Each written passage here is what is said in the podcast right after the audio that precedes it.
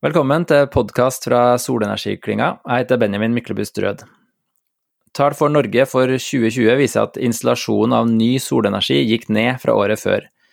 Mens det i 2019 ble installert over 50 megawatt ny solenergi, er det estimert at bare 40 megawatt ble installert i 2020. Globalt har installasjonen likevel fortsatt å øke, om enn kanskje mindre enn man håpa i 2019 men solenergi er fortsatt drevet fram av økt etterspørsel av strøm, mer modne markeder og lavere priser, og ca. 140 gigawatt ble installert globalt i 2020. Samtidig så vokser jo kullkraft. I Kina så ble over 38 gigawatt kullkraft satt i drift i 2020, men mye mer er i pipeline. Og faktisk har den totale installerte kullkraftkapasiteten dobla seg i verden siden 2000. Og sagt på en annen måte, Kinas kullkraftkapasitet er i dag like stor som verdens kapasitet var i 2000. Eh, og det her tallene har jeg henta fra Carbon Brief sine sider om, eh, om kullkraft. Eh, og det er jo veldig store tall. Og kanskje litt demotiverende, men samtidig så ser vi jo at fordi fornybar energi vokser, så er det jo sånn at jo lenger man kan utsette en investering på kullkraft, desto mer konkurransedyktig er det fornybare alternativene. Og på, på Carbon Brief sitt kart så kan man se at en av de aller største planlagte kullkraftverkene utenfor Kina er i Egypt, og der har jo Scatec vært med på å bygge verdens største solenergipark, og i 2020 så sa den egyptiske regjeringa at planene for kullkraftverket settes på vent på ubestemt tid. Eh, og dette med solenergipark i Egypt fra Scatec kan vi høre mer om på en tidligere podkast med Morten Langsholt i Scatec. Eh, og tidligere har jeg også snakka med Per Christian Spertoli i Zero om hvordan Norge med sine finansielle muskler og fornybarindustri kan være tunga på vektskåla som tipper investeringer i favør fornybar energi i stedet for kull.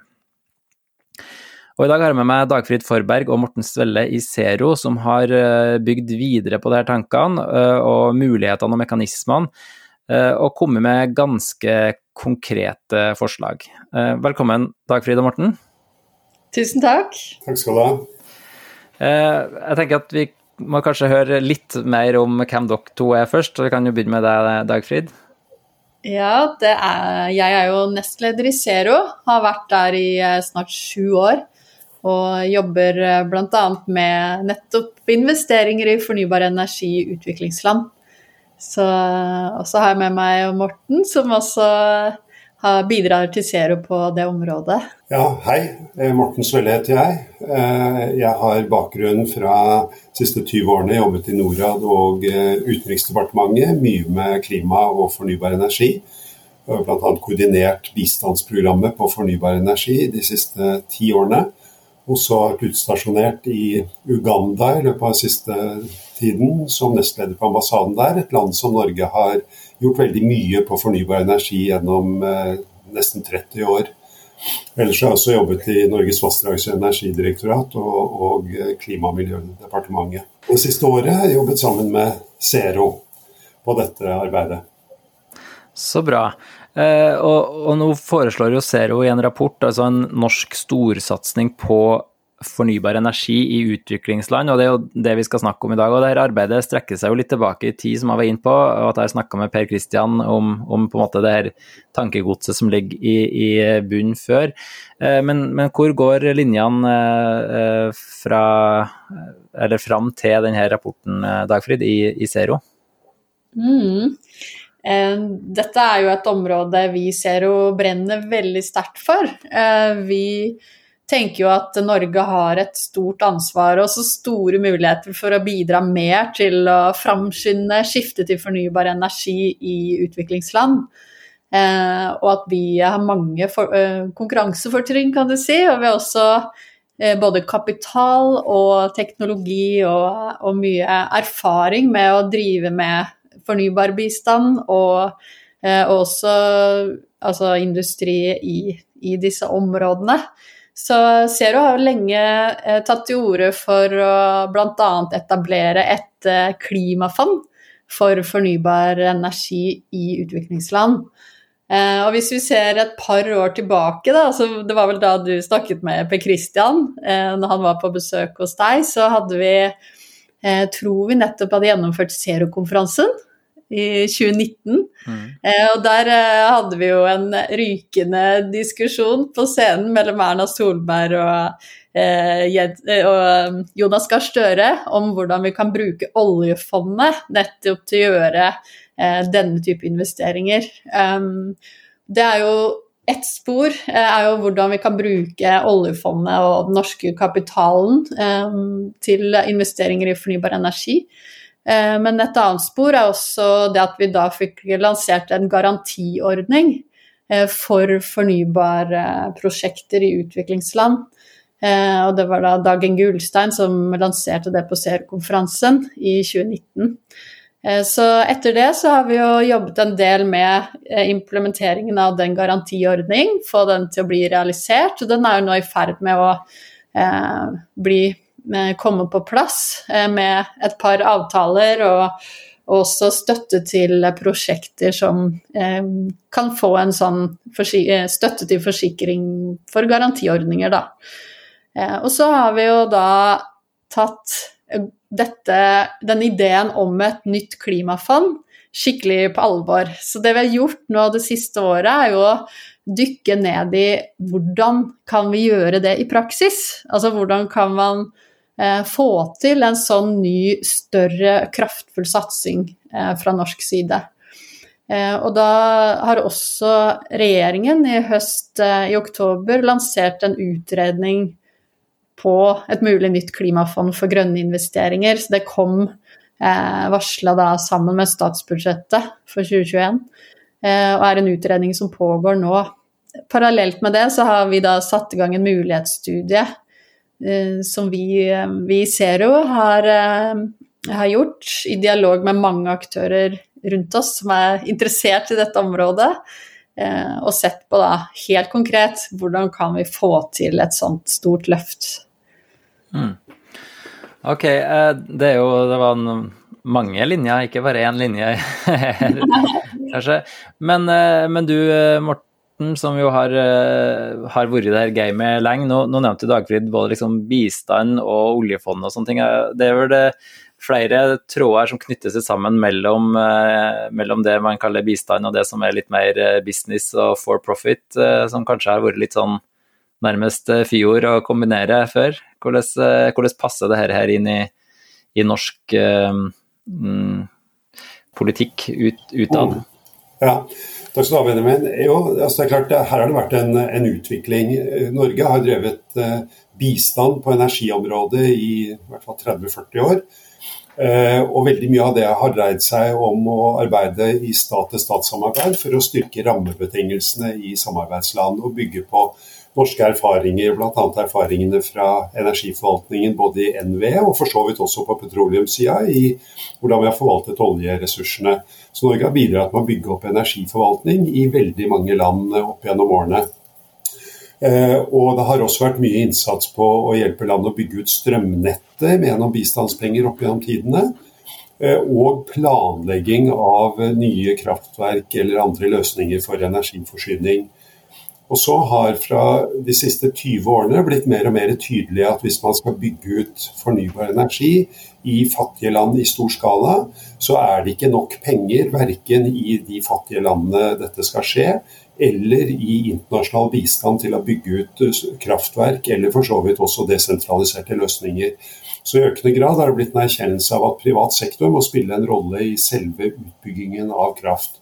Og Det er jo den modellen nesten alle land nå har innført gjennom eh, det som kaller Independent Power Producers, som er uavhengige kraftselskaper som selger kraften til staten gjennom en kraftkjøpsavtale, Power Purchase Agreement og på den måten leveres den strømmen som landet, som landet trenger. På den måten utløser den store, de store pengene som da kommer fra privat sektor.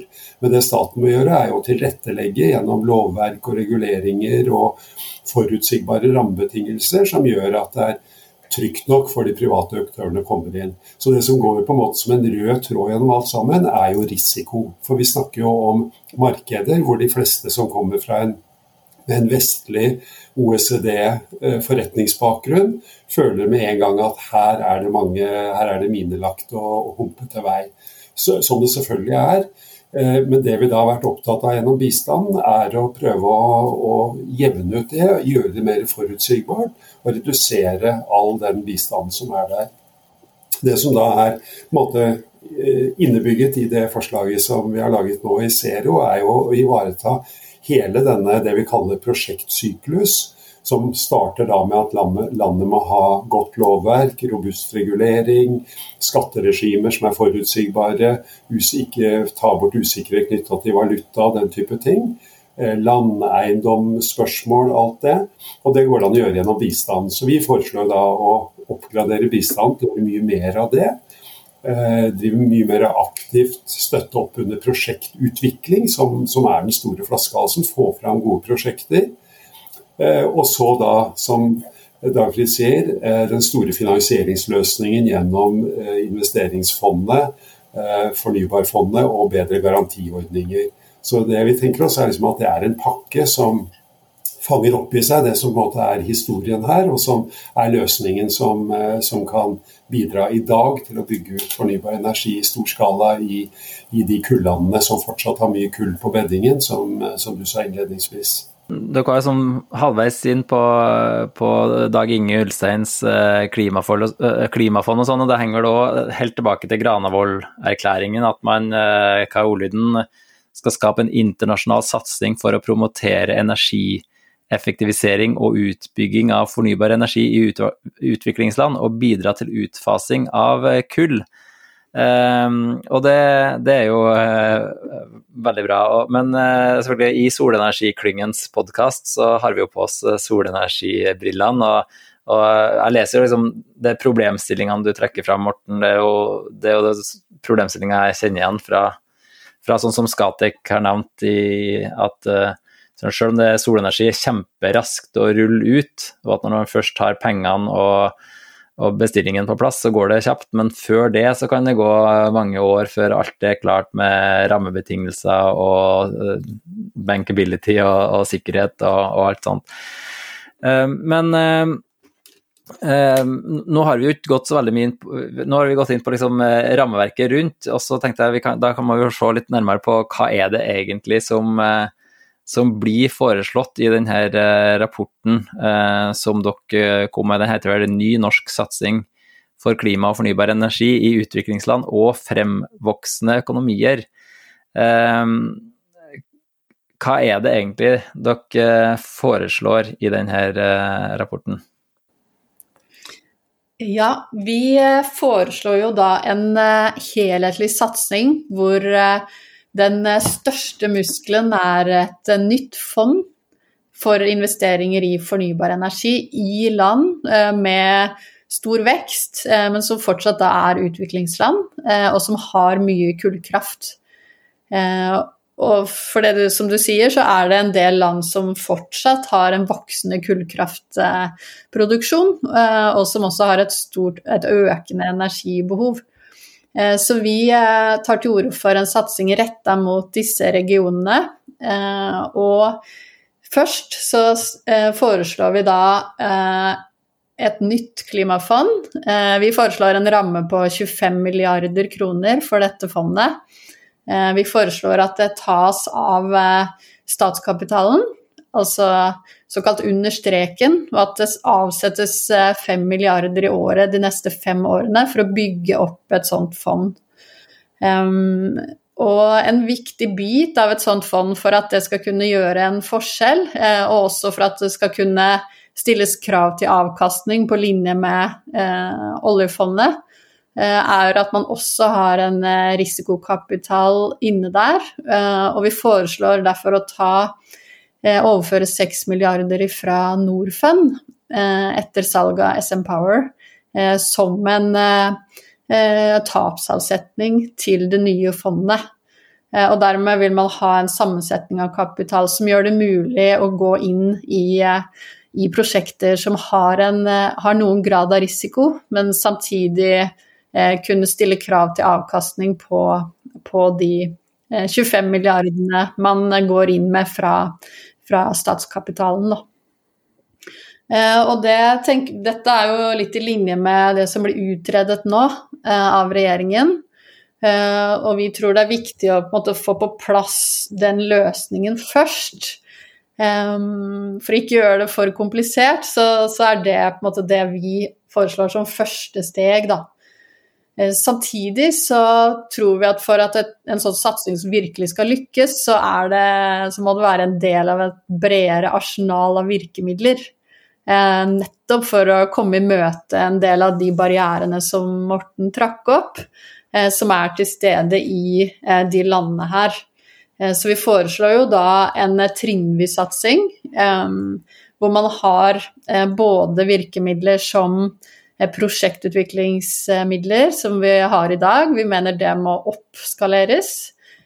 Vi mener også at vi må øke potten til garantiordninger også uavhengig av dette fondet. Eh, det er noe av de viktigste aktørene som skal inn i og bygge prosjekter her, etterspør, så det er en kjempeviktig forutsetning. Eh, men også, eh, også et bedre samarbeid om rammebetingelser for, for prosjektene med myndighetene i de ulike landene. Der har vi jo godt, eh, gode erfaringer og mye erfaring fra samarbeid rundt det, både innenfor olje- og gassektoren og, og fornybar allerede, som Morten pekte på. Eh, og så tenker jo vi at eh, litt som det etterspørres også fram mot COP26 i november, at man skal finne eh, finansieringsløsninger som også utløser mer privat kapital. Eh, og vi tror et sånt fond eh, kan være det rette for å bygge tillit til eh, den type investeringer også blant pensjonsfond og andre, andre kapitaleiere, private og institusjonelle kapitaleiere. Og vi foreslår derfor også en fondsløsning, som er en offentlig-privat løsning, hvor, hvor fondet investerer i et større privat-offentlig fond. Eh, med mål om å utløse 100 milliarder kroner til sammen i det mm. som vi kaller fornybarfondet. Riktig. Og bare for å sånn, liksom, rydde opp litt i begrepene, for at uh, av og til så brukes ordet fond nå litt forskjellig. At man snakker om at man har et fond, og så bruker man avkastninga til et eller annet veldedig formål. Men her er fondet vi snakker om, er det 25 milliarder kronene som skal investeres i, i de konkrete prosjektene. Riktig. Ikke sant? Mm. Og tanken her er jo at vi at et slikt fond har et avkastningskrav eh, på linje med hva Norfund har i dag. Eh, sånn at dette er jo penger som ikke, ikke, blir borte, men som brukes i det godes tjeneste, kan du si. Eh, og også at det investeres i prosjekter i en tidlig fase og en oppbyggingsfase. Og at fondet over tid da vil kunne selge seg ut når prosjektene er oppe og går, og da jeg har en, eh, en track record på, på, eh, at det er en god drift, og at man får solgt strømmen til de prisene man er lovet, og at eh, fondet da kan selge seg ned og se på nye prosjekter igjen, da. Mm. Kan man da se for seg at det prosjektet blir, blir solgt til Statens pensjonsfond utland, da, som jo er en tidligere endring her, at, kan, altså at oljefondet kan investere i unotert uh, infrastruktur? Ja, det kan jo absolutt være en uh, mulighet. Så vi har bl.a. sett til uh, Nederland, som har en lignende løsning allerede på plass. Um, Climate Investor One. Der har man delt opp måte, prosjektfasene i et prosjekt, slik at de mer langsiktige, tunge institusjonelle investorene som ønsker trygge investeringer, men er opptatt av å nå eh, den type prosjekter her, da, som virkelig har stor klimanytte. Eh, at de kan gå inn og være en, da, en langsiktig investor eh, i samarbeid med, med, fondet, eller i et fond. Um, mm. Ja, jeg spør jo egentlig for at liksom det var en av de tingene du snakka med Per Kristian om, at det var også et tidligere på en måte gjennombrudd, at, at oljefondet kan investere i i den type unotert eh, infrastruktur. Og, men, men det herre eh, dette klimafondet her da, skal ha en litt, litt mer offensiv og, og risikovillig profil, da, hvis jeg forstår det riktig? Mm. Vi, det skal ha en mer risikovillig profil, men samtidig ha et virkemiddel, på en måte verktøykasse, som gjør at man tar ned risikoen. Eh, så tanken er jo at det skal være samme type krav til avkastning her som det er i oljefondet i dag. Men vi, vi, tenker jo også at det kan være en smart løsning, da. Eh, hvor man eh, måte åpner døra for oljefondet til å kunne investere i de prosjektene her. Men man er jo helt avhengig av en av risikoreduserende tiltak og prosjektutviklere og forvaltere som klarer å um, realisere fornybarprosjektene. Uh, og det er jo Per i dag er jo ikke det NBIM gjør. Uh, det, altså, det, krever jo en masse kompetanse for å lykkes med det, som vi ser både Norfund har i dag, og også andre norske aktører som driver med prosjektutvikling på dette området, da. Mm.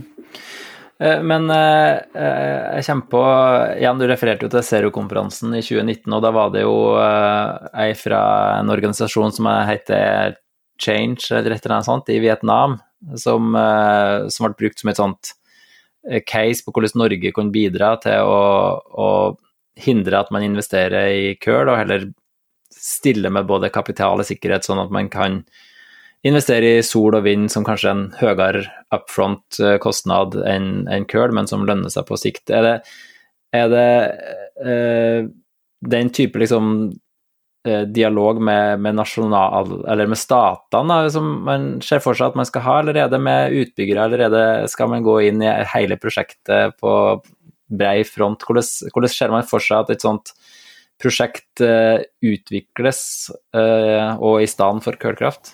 Det er jo slik at et, et land som Vietnam og også, også, de andre fremvoksende økonomiene i Sørøst-Asia, så, så, har de jo nå gjennom 30-40 år planlagt en energisektor bygd på kull. Så kull er liksom bunnplanken i tenkningen. De har, de har planer for kull, de har lokalisering for kullkraftverkene, de har bygd opp elektrisitetsnettet for det, og kompetansen, lovverk, alt er liksom innrettet for kull. Samtidig som kull pushes av noen land som både leverer eh, kullkraftverkene og finansiering, som Japan, Kina, Sør-Korea og andre land. Så det er liksom et tungt press for kull. Alt ligger liksom, Den røde løperen er, er rullet ut, og det er bare tut og kjør. og Veldig enkelt.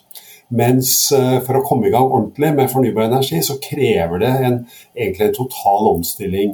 De nasjonale energiplanene må omarbeides til å bygge på fornybar energi. Det har konsekvenser for strømnettverket, for hvor du velger desentraliserte, sentraliserte løsninger. Eh, lovverket må innrettes på det, reguleringene må reguleres, og det må bygges opp tung kompetanse. Så Det er liksom det første som vi tenker at Norge kan bidra med, og, og som starter med en politisk dialog, og som har alle elementene fra, fra å være enige om å sette klimamål og større ambisjoner på fornybar, til tilrettelegging gjennom praktisk samarbeid for å få på plass alt det som skal, skal til. Uh, og så ser vi jo, som, som Dagfrid også er inne på, at det å utvikle nye prosjekter er veldig risikabelt det er på en måte I hele syklusen av et fornybarprosjekt så er det en avtagende risiko. Risikoen er veldig høy når man liksom starter opp helt i begynnelsen av prosjektet, og så blir den mindre og mindre etter hvert som tiden går og prosjektet blir, blir ferdigbygget. I starten er det veldig stor, eh, stor risiko, så vi tenker oss jo da at, at de som er villige til å utvikle prosjektet fra scratch, av den typen selskaper som Scatec er et godt eksempel på, kan få en god del støtte fra, gjennom bistandspenger fra Norad-støtte til å utvikle prosjektene fordi risikoen er så høy. Gjennom å styrke den ordningen så tenker vi å få fram flere prosjekter, at flere enn Skatec blir villige til å løfte den type prosjekter. Og så er selve byggefasen av, av prosjektene fortsatt risikabelt. Da kan det skje, kan skje mye i løpet av de ett til tre årene selve prosjektet bygges ut. Og da man har gode garantiordninger rundt det som kan avlaste risikoen. Og der kommer fornybarfondet vi foreslår inn som en gunstig finansiering. Det er på en måte der etablert en finansiering i Norge som veldig raskt kan gå inn sammen med f.eks. Skatec eller andre norske selskaper, Empower eller andre, og sikre finansiering på en enkel, forutsigbar og med lave transaksjonskostnader. Prosjektfinansiering, som er det vi snakker om her, er, vel, har veldig høye transaksjonskostnader. Fordi man må reise rundt i verden og låne penger av ulike banker, både utviklingsbanker og kommersielle banker. Mange forskjellige låneavtaler. Masse juridiske spørsmål som må avklares, og tunge kostnader både til advokater og, og og finansieringsrådgivere. Og Det tror vi at vi kan gjøre billigere gjennom den modellen vår. Og det er viktig for å konkurrere med, med kullprosjektene. Og så er da det geniale som Dagfrid forklarte, at når prosjektet er ferdig bygget og har stått og vært operert i ett, to, tre år, og kapitalstrømmen, inntektene, er sikret, og man ser at dette går, det fungerer, pengene kommer inn, så er, det, så er det, veldig lav risiko ved å eie et, eh, et, solkraftverk i Vietnam. Selv om det for øvrig er mye i Vietnam som er usikkert, så er liksom akkurat den øya der den er ganske safe. Og der bør pensjonsfondet eller Storebrand kunne komme inn og eie det de neste 20 årene med en sikker inntektsstrøm. Og da bringer vi nettopp det som er noe av clouet i utvikling av fornybar energi i disse markedene. Få inn de store pengene, som er langsiktige og trygge og krever lite arbeid på en måte underveis. Eh, Verdensbanken har beregnet at det kreves i størrelsesorden 100 milliarder dollar per år for å bygge ut fornybar energi i utviklingsland, slik som det er nødvendig. Så vi snakker om liksom et stort kapitalbehov. Og ved å bruke bruke den norske statens penger og Norfund som risikoavlastning i bunn, så tror vi at vi har bygd opp en modell som på en måte gir den risikoavlastningen som kan utløse disse store pengene på sikt, og at Norge virkelig kan sette et fotavtrykk som, som har en ordentlig klimabetydning. Mm. Ja, Det blir jo ofte snakka litt sånn negativt om folk som jobber med å flytte penger, men det er jo det vi, det er det vi, vi trenger å gjøre her, kan man si. Men, eh, men litt sånn eh, Eh, nærmest implisitt når vi snakker om utviklingsland, så det, eh, tenker vi jo ofte på, på, Afrika. Mens veldig mange av de kullkraftverkene er jo planlagt i, i Asia. Det, det Carbon Brief sitt kart viser jo at det, det, er ikke så veldig mye kullkraft som er produsert eh, i Afrika.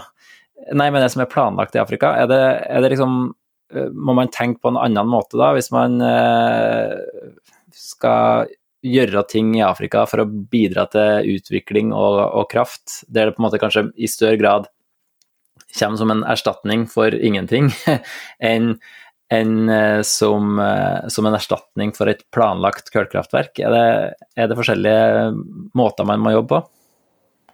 Mm.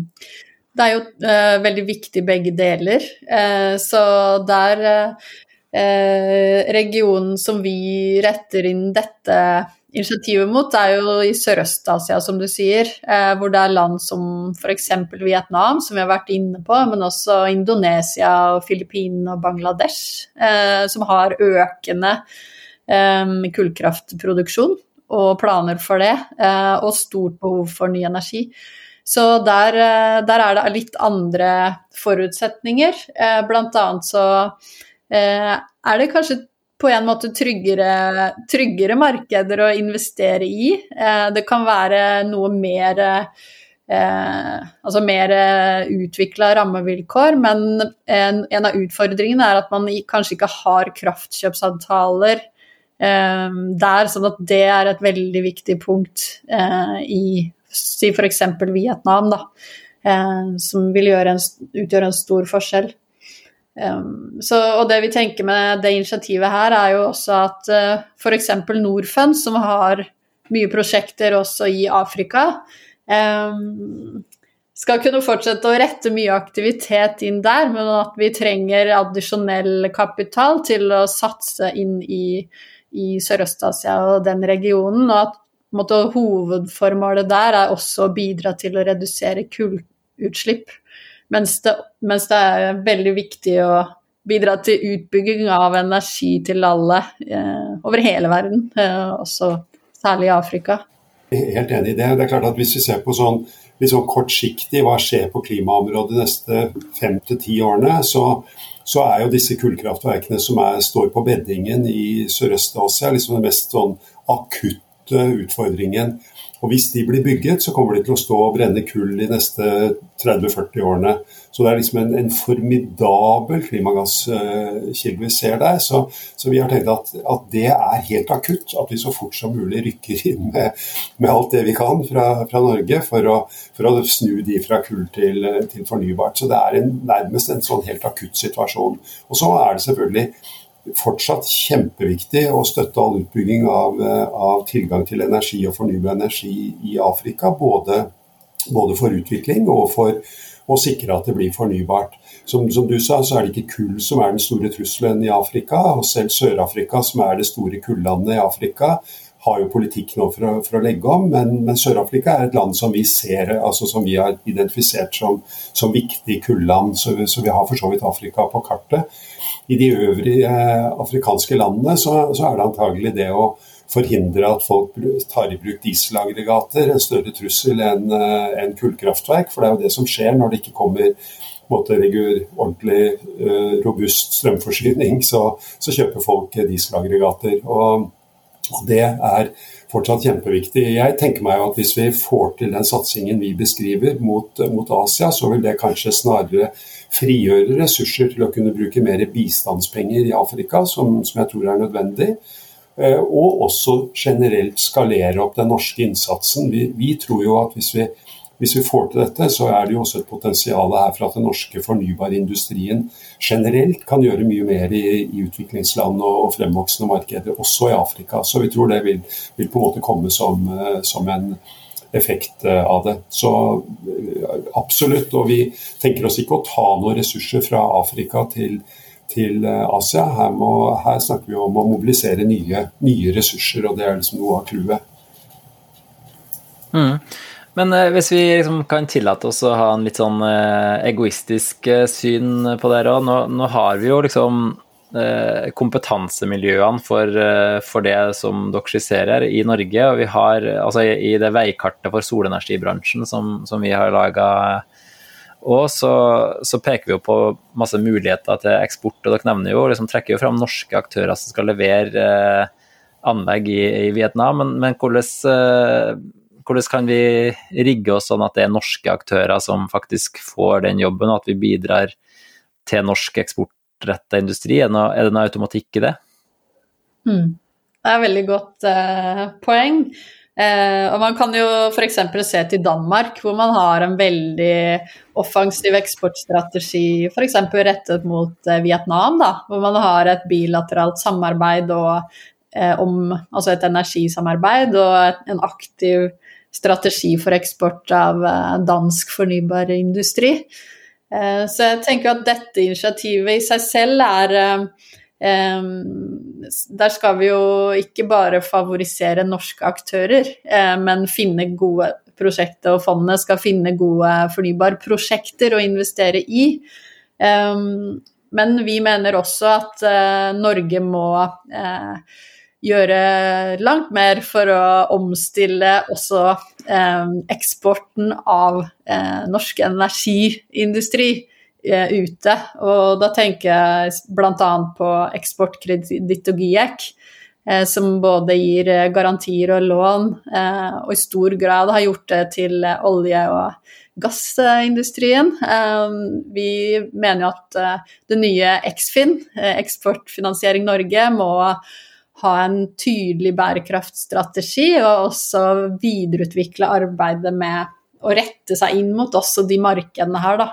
Og vi har jo veldig spennende selskaper som eh, gjør det godt og, og, har mye å bidra med. Og blant annet Skatek er jo et eksempel som nå har lansert enda større ambisjoner om å vel ha installert 15 eh, gigawatt eh, eh, produksjon innen 2025.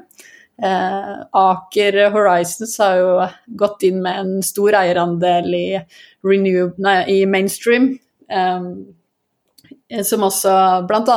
er i ferd med å bygge ut eh, Vietnams største havvindpark. Eh, for å nevne noe. Vi har mange andre aktører. Eh, så det å klare å bygge en sånn norsk klynge, da, og å bidra med de virkemidlene, de lånene, garantiene eh, som skal til for at uh, selskapene lykkes i de regionene her, er et veldig viktig bidrag for uh, klimaet, og for at vi skal klare å nå målene om å, om å ikke overstige halvannen grads oppvarming. Og det er jo ikke bare finansiering, men det er jo definitivt også teknologi og kompetanse som skal til for å klare å og øke hastigheten på fornybarutbyggingen her.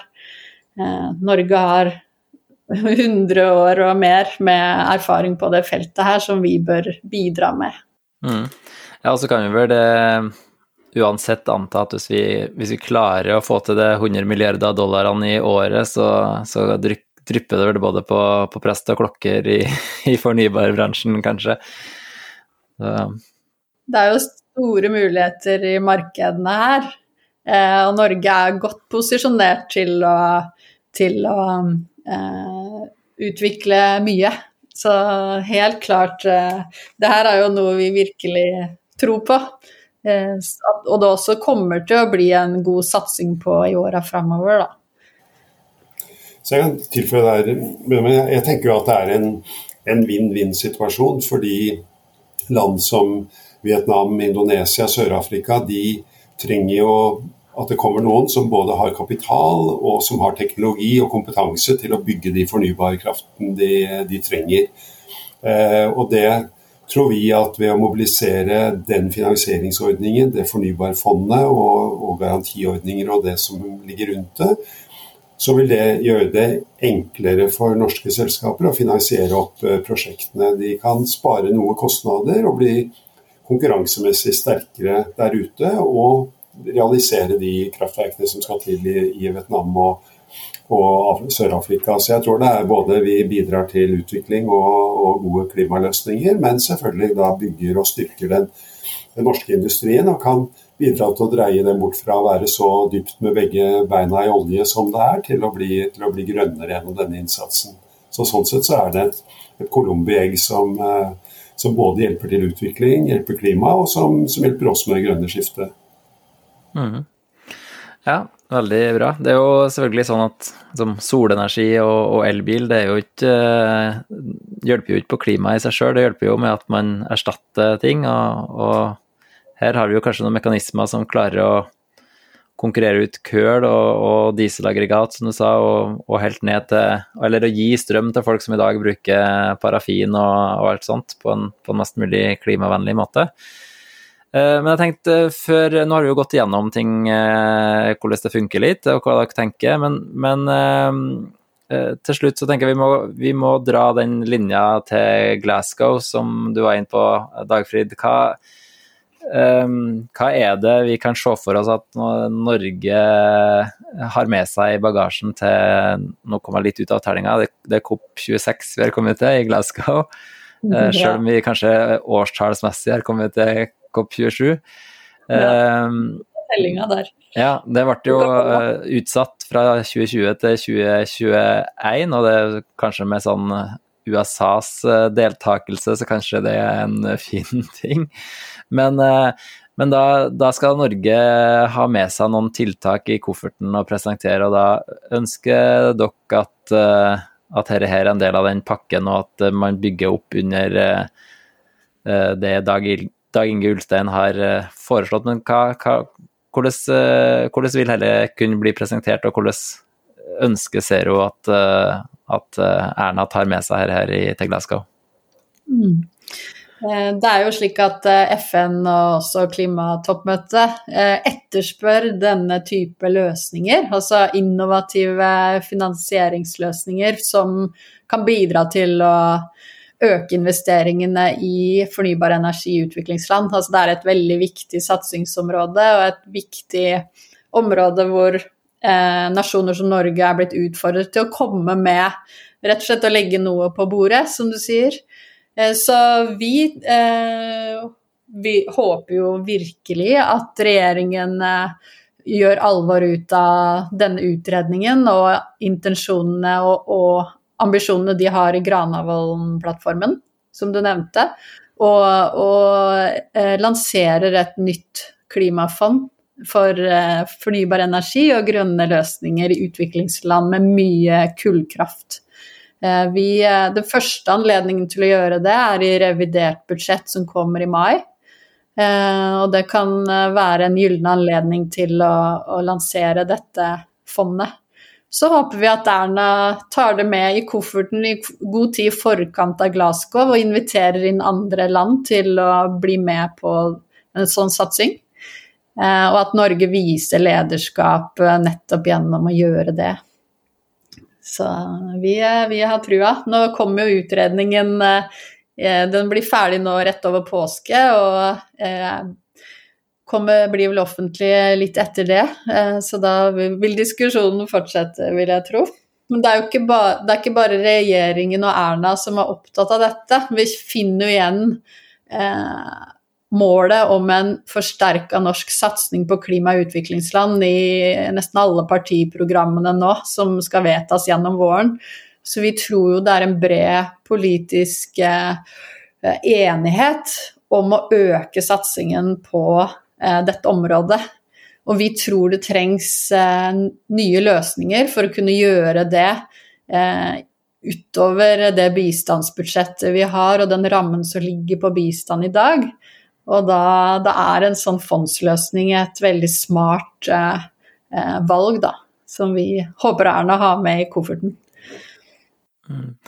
Ja, og, og, det er vel ikke liksom eh, Vi er vel ikke redd for å gå i fella det er noen slags eh, grønnvasking heller, at man eh, eh, tar klimakutt i andre land i stedet for å gjøre noe i Norge. For det, det er jo potensielt ganske store virkninger av de summene her, har jeg sett dere har trukket fram. Hva, hva, hva, ser dere for dere at uh, den herre de milliardene som òg medfører andre investeringer, der, hvor, hvor mye klimagassutslipp kan det føre til?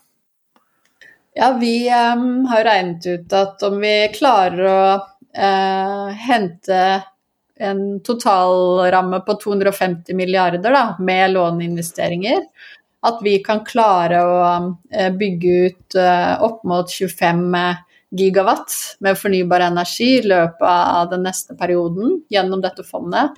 Og at det kan være med å kutte utslipp på opp mot uh, de norske klimagassutslippene. Uh, og det er jo svært et svært vesentlig bidrag. Og så er vi opptatt av at det skal komme i tillegg til uh, reduksjon av norske utslipp. så det er veldig viktig å poengtere. Mm. vi har et, et, stort ansvar og en stor mulighet. Og, og investeringer som er gjort uh, gjennom Norfund da, de siste perioden, viser jo at det også kan gjøres på en lønnsom og klok måte.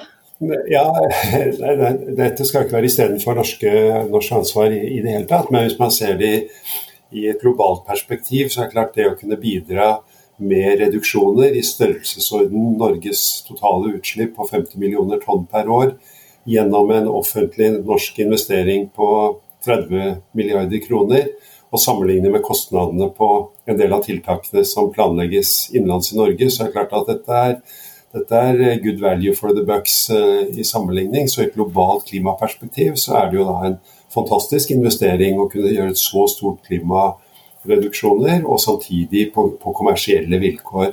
Så, så, vi tror jo at dette er et forslag som har veldig gode forutsetninger for å kunne, kunne fly. Mm. Ja, da blir det jo flere spennende ting å følge med på. Utredninga om, om klimafond og revidert nasjonalbudsjett og, og COP26 i Glasgow. Eh, så da tror jeg jeg skal være takk dere, Dagfrid Forberg og Morten Svelle i Zero, for at vi fikk eh, høre litt mer om eh, hvordan dere har tenkt rundt eh, hvordan Norge kan bruke penger til å være tunga på vektskåla i eh, plasser der man tenker å bygge ut kull. Og så kan jeg jo oppfordre folk til å høre på den eh, litt, eh, litt eh, aldrende episoden med Per Kristian Spertoli, som da var i Zero og nå jobber i Norfund. Men òg med, med, Morten Langsholt i, i Skatek, som bare heter Skatec nå, men som heter Skatec Solar da. Så det er masse endringer når man begynner å referere til gamle episoder. Men tusen takk til dere.